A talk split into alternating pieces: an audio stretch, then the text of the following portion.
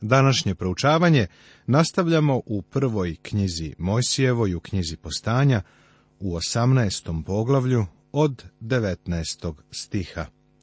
I govorimo o tome kako Bog objavljuje dolazeće uništenje Sodoma i Gomore. Reko smo juče, Avram će biti čovek od velikog uticaja. Uticaće će na mnoštvo naroda, čak i na nastupajuće generacije a ovo važi i danas. Dok vi slušate ovaj radio program ili čitate knjigu, Avram utiče na nas. To ne možemo izbeći. Jer znam da će zapovediti sinovima svojim i domu svojemu nakon sebe, da se drže puteva gospodnjih i da čine što je pravo i dobro, da bi gospod navršio na Avramu što mu je obećao. Bog kaže, bolje da ne tajim od Avrama, jer će o meni steći pogrešan utisak. Usput, obrati pažnju na to da ovaj čovek Avram vaspitava svoje ukućene. I reče gospod, vika je u Sodomu i Gomoru velika i greh je njihov grdan. Zato ću sići da vidim edali sve čine kao što vika dođe predame, ako li nije tako, da znam. Drugim rečima, Bog kaže Avramu, poznajem tamošnju situaciju, ali silazim da je ipak ispitam. Bog ništa ne radi u žurbi ili na brzinu. Dobro je što je Bog rekao Avramu da će uništiti ove gradove, jer bi inače Avram stekao pogrešan utisak o Bogu. Mislio bi da je Bog neki diktator i da je osvetoljubiv i da nije pokazao milost ni razumevanje za one koji su njegovi. Avram bi stvarno imao pogrešan ili izvitoperen i iskrivljen pogled na Boga. Zato mu Bog govori šta namerava da učini. Avram sada ima vremena da nešto učini da se Bog predomisli. Također je važno to što je Bog rekao Avramu, jer je Avram imao pogrešno mišljenje o Bogu i o Sodomu i o Gomori. Nije bio u pravu u mnogim stvarima. Ovo je jedan od razloga što nam Bog tako mnogo govori. Ima mnogo onoga što nam ne kaže, ali nam je dovoljno rekao da čak iako je čovjek blesav ili ako luta, nema potrebe da bude u zabludi. I ljudi okrenuvši se, pođoše put Sodoma, ali Avram još stajaše pred gospodom. Avram sada čeka pred gospodom. Avram pristupa Bogu kao posrednik. I pristupiv Avraam reče, Hoćeš li pogubiti i pravednoga s nepravednim? Koja prva stvar pada na um Avramu? Prvo čega se on prisjeća, naravno, jeste Lot. Lota je već jednom izbavio, a sada je Lot ponovo u opasnosti. Mislim da je Avram mnogo puta razmišljao o Lotu i njegovom odnosu sa Bogom, ali barem veruje da je Lot spasen čovek. Zato Avram pita Boga, šta je sa pravednicima? Verujem da bi ti Avram rekao da je mislio da je dole u Sodomu bilo mnogo spasenih ljudi. Nije mogao da razume zašto Bog hoće da uništi pravedne sa zlima.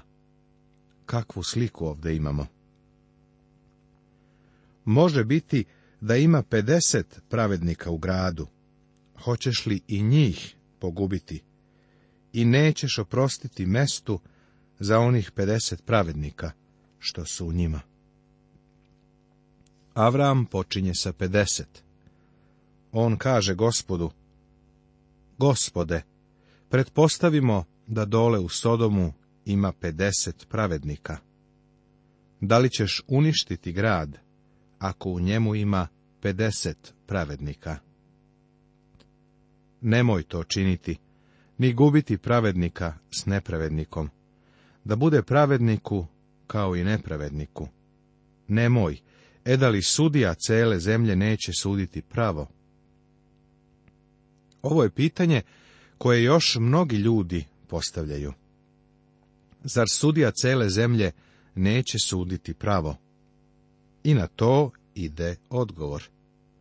Ostatak svetog pisma svedoči u prilog činjenici da sudija cele zemlje uvek sudi pravo.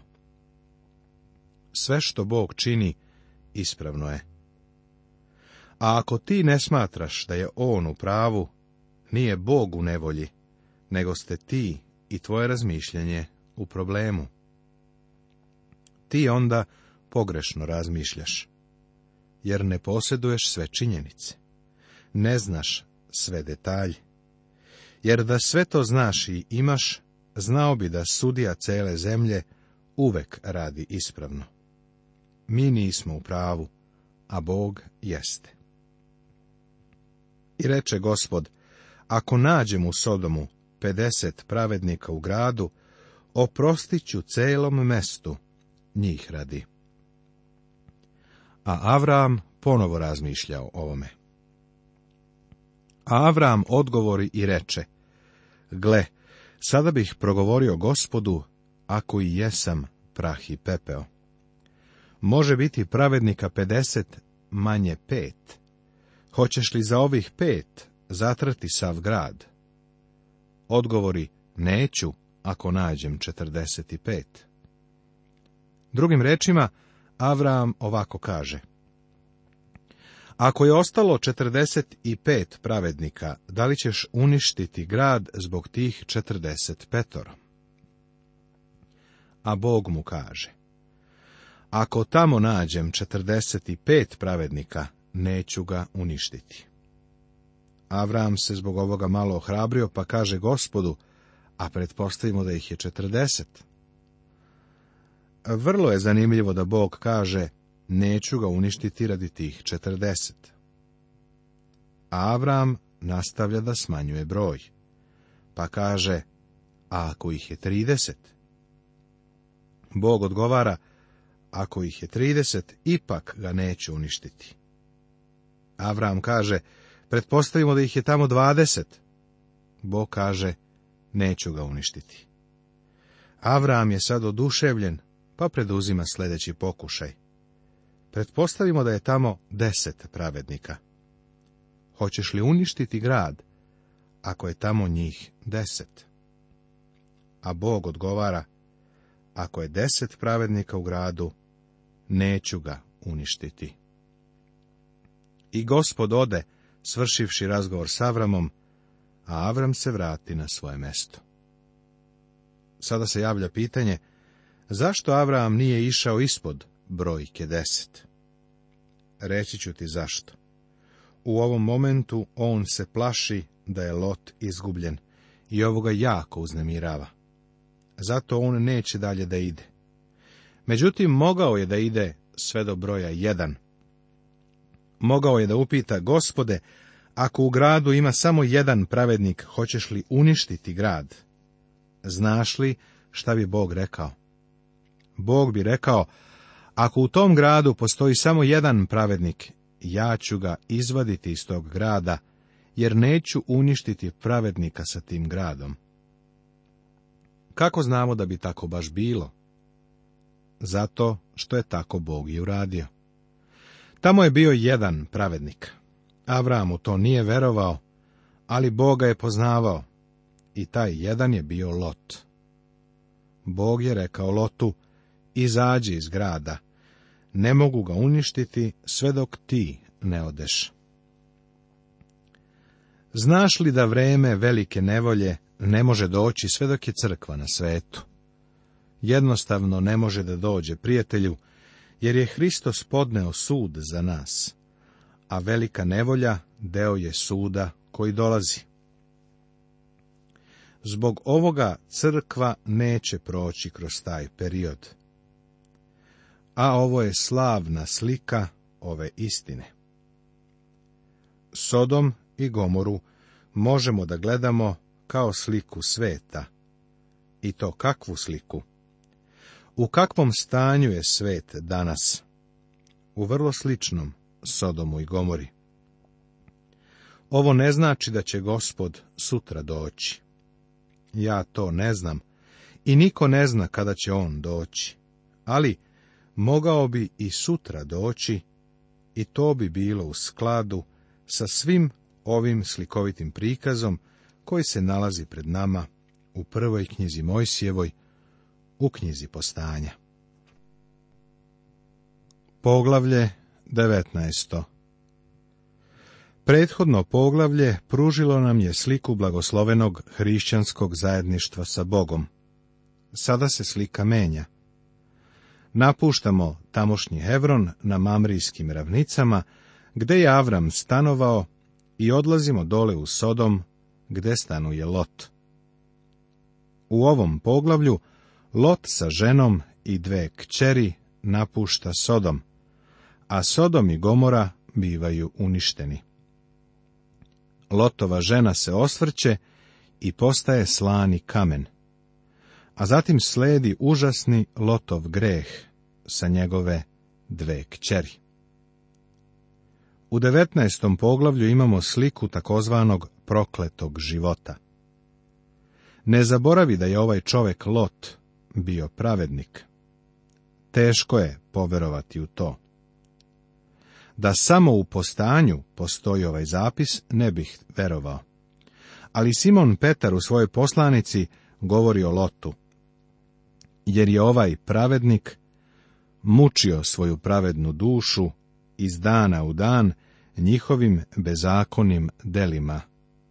Ovo je zapisano u drugoj Petrovoj poslanici u drugom poglavlju Svetoga pisma Novog Zaveta. Lot je živeo u Sodomu, ali nikada tu nije bio srećan.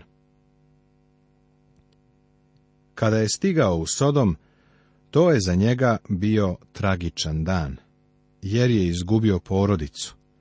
Ako sagledaš sliku u celini, vidjet ćeš da ih je sve izgubio. To je tragedija. Danas ima mnogo ljudi koji su možda spaseni, ali zahvaljujući načinu života, oni gube porodice, uticaj i svedočanstvo.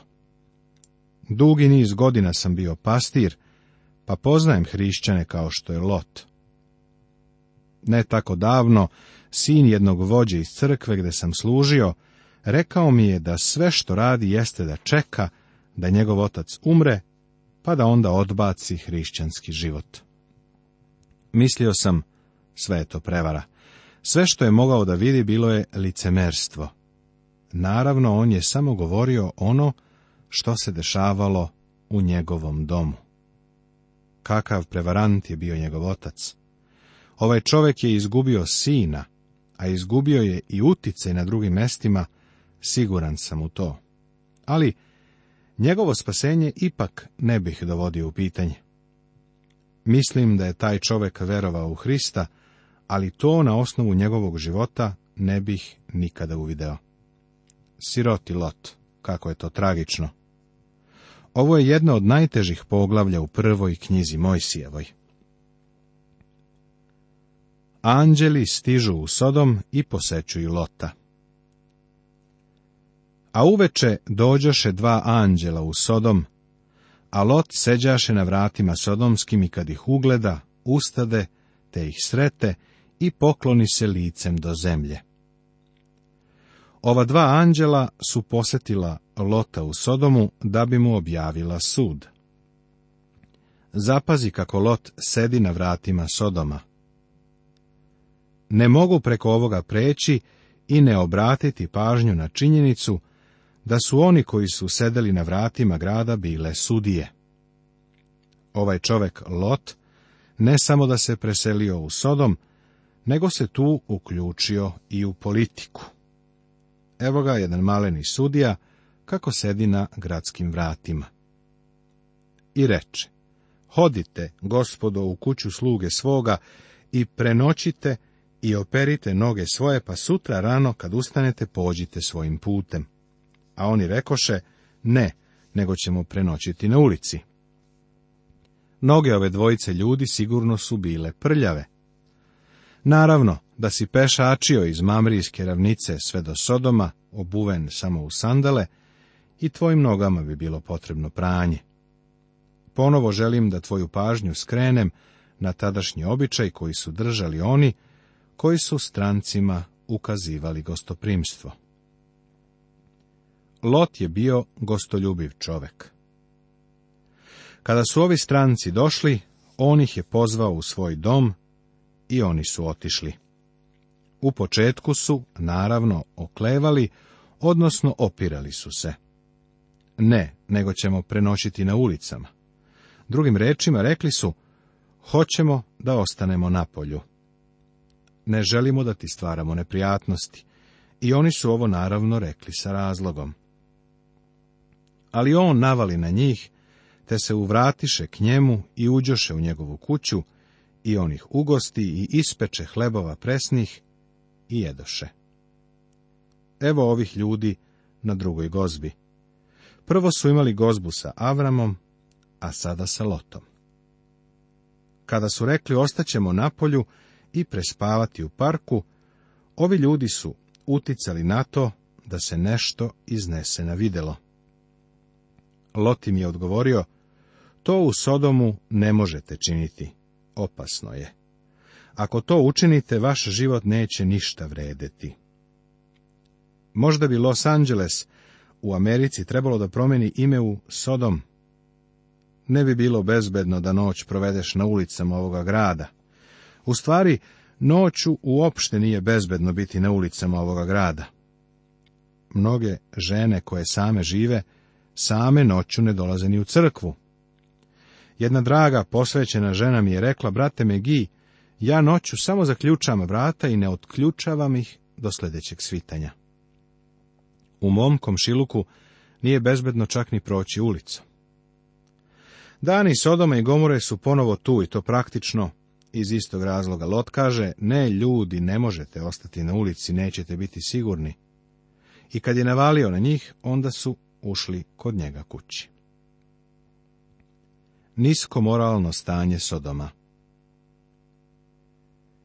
I još ne behu legli, a građani Sodomljani slegoše se oko kuće staro i mlado, sav narod sa svih krajeva, i vikahu lote i govorahu mu, gde su ljudi što dođoše sinoć k tebi? Izvedi ih k nama, da ih poznamo. Ovo je mučna scena koja otkriva degradaciju grada Sodoma. Ime koje je ovom gradu od tada dato jeste Sodomija.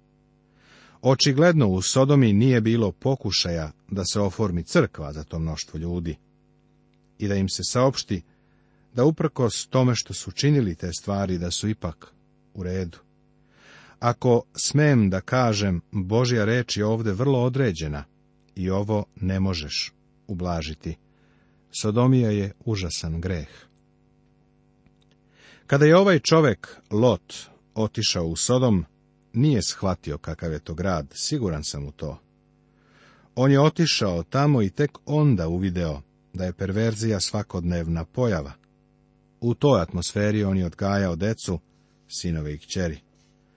Kad je pre toga podizao šator i okrenuo ga ka Sodomu, gledao je ka njemu i video divne ulice i bulevare, parkove, zgrade.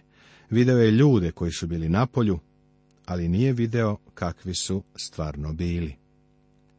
Greh toga grada je tako veliki da Bog sada ide da mu sudi. Bog namerava da uništi grad. Hajde da se ovdje zaustavimo i napravimo oštru granicu. Prema grehu danas vlada novi stav. Postoji neka siva oblast u kojoj greh nije onako crn kako smo nekada mislili. Crkva je pravila kompromise toliko da je postala skoro ništavna. U Južnoj Kaliforniji u Americi imamo crkvu koju čine homoseksualci, a uz to oni svi priznaju da je i pastir jedan od njih. Ako smem da kažem lekcija Sodoma i Gomore, lekcija je i za ovu generaciju. Bog ne prihvata ovakvu vrstu crkve. Izgleda da danas postoji ta ideja da možeš postati Božje dete, ali i dalje nastaviti sa grehom. Bog kaže da je to nemoguće. Ne možeš tako činiti. Sodom je primjer za tu istinu. Apostol Pavle postavlja ovo pitanje. Šta ćemo dakle reći? Da ostanemo i dalje u grehu, da bi se blagodat umnožila? I daje odgovor, daleko od toga. Ili, ne daj Bože! Vidi poslanicu Rimljanima u šestom poglavlju prvoga i drugoga stiha Svetoga pisma Novog Zaveta. Ideja da možeš biti hrišćanin i nastaviti sa grehom strahovita je greška. Posebno ako se prikazuje nevažnim, kao što se po mojoj procjeni čini baš u ovom posebnom slučaju. To su oni radili u Sodomu i Gomori. I Bog je uništio ove gradove. Nemoj mi reći da u prvoj knjizi Mojsijevoj imamo takozvano primitivno viđenje Boga, a da je danas ono mnogo bolje. Nemoj da se raspravljaš i dokazuješ da je nakon svega Isus prihvatio grešnike. On to sigurno jeste činio, ali kada bi završio sa njima, on ih je bio promenio. Bludnica koja je došla kod njega više se nije time bavila. Kada je došla Bogu, ona se promenila. Ovo se dešava i sa drugim grešnicima. Poreznik je došao kod njega i zatim je ostavio mesto na carini. Odrekao se varanja kada je došao gospodu. Ako si ti došao Hristu, bit ćeš promenjen. Mnogi ljudi pišu i trude se da mi objasne da živimo u novom dobu i da ja treba da se probudim. Prijatelju, mi živimo u novom dobu, ali eto, desilo se da je ovo ponovo novi Sodom i Gomora. Nastavit će se.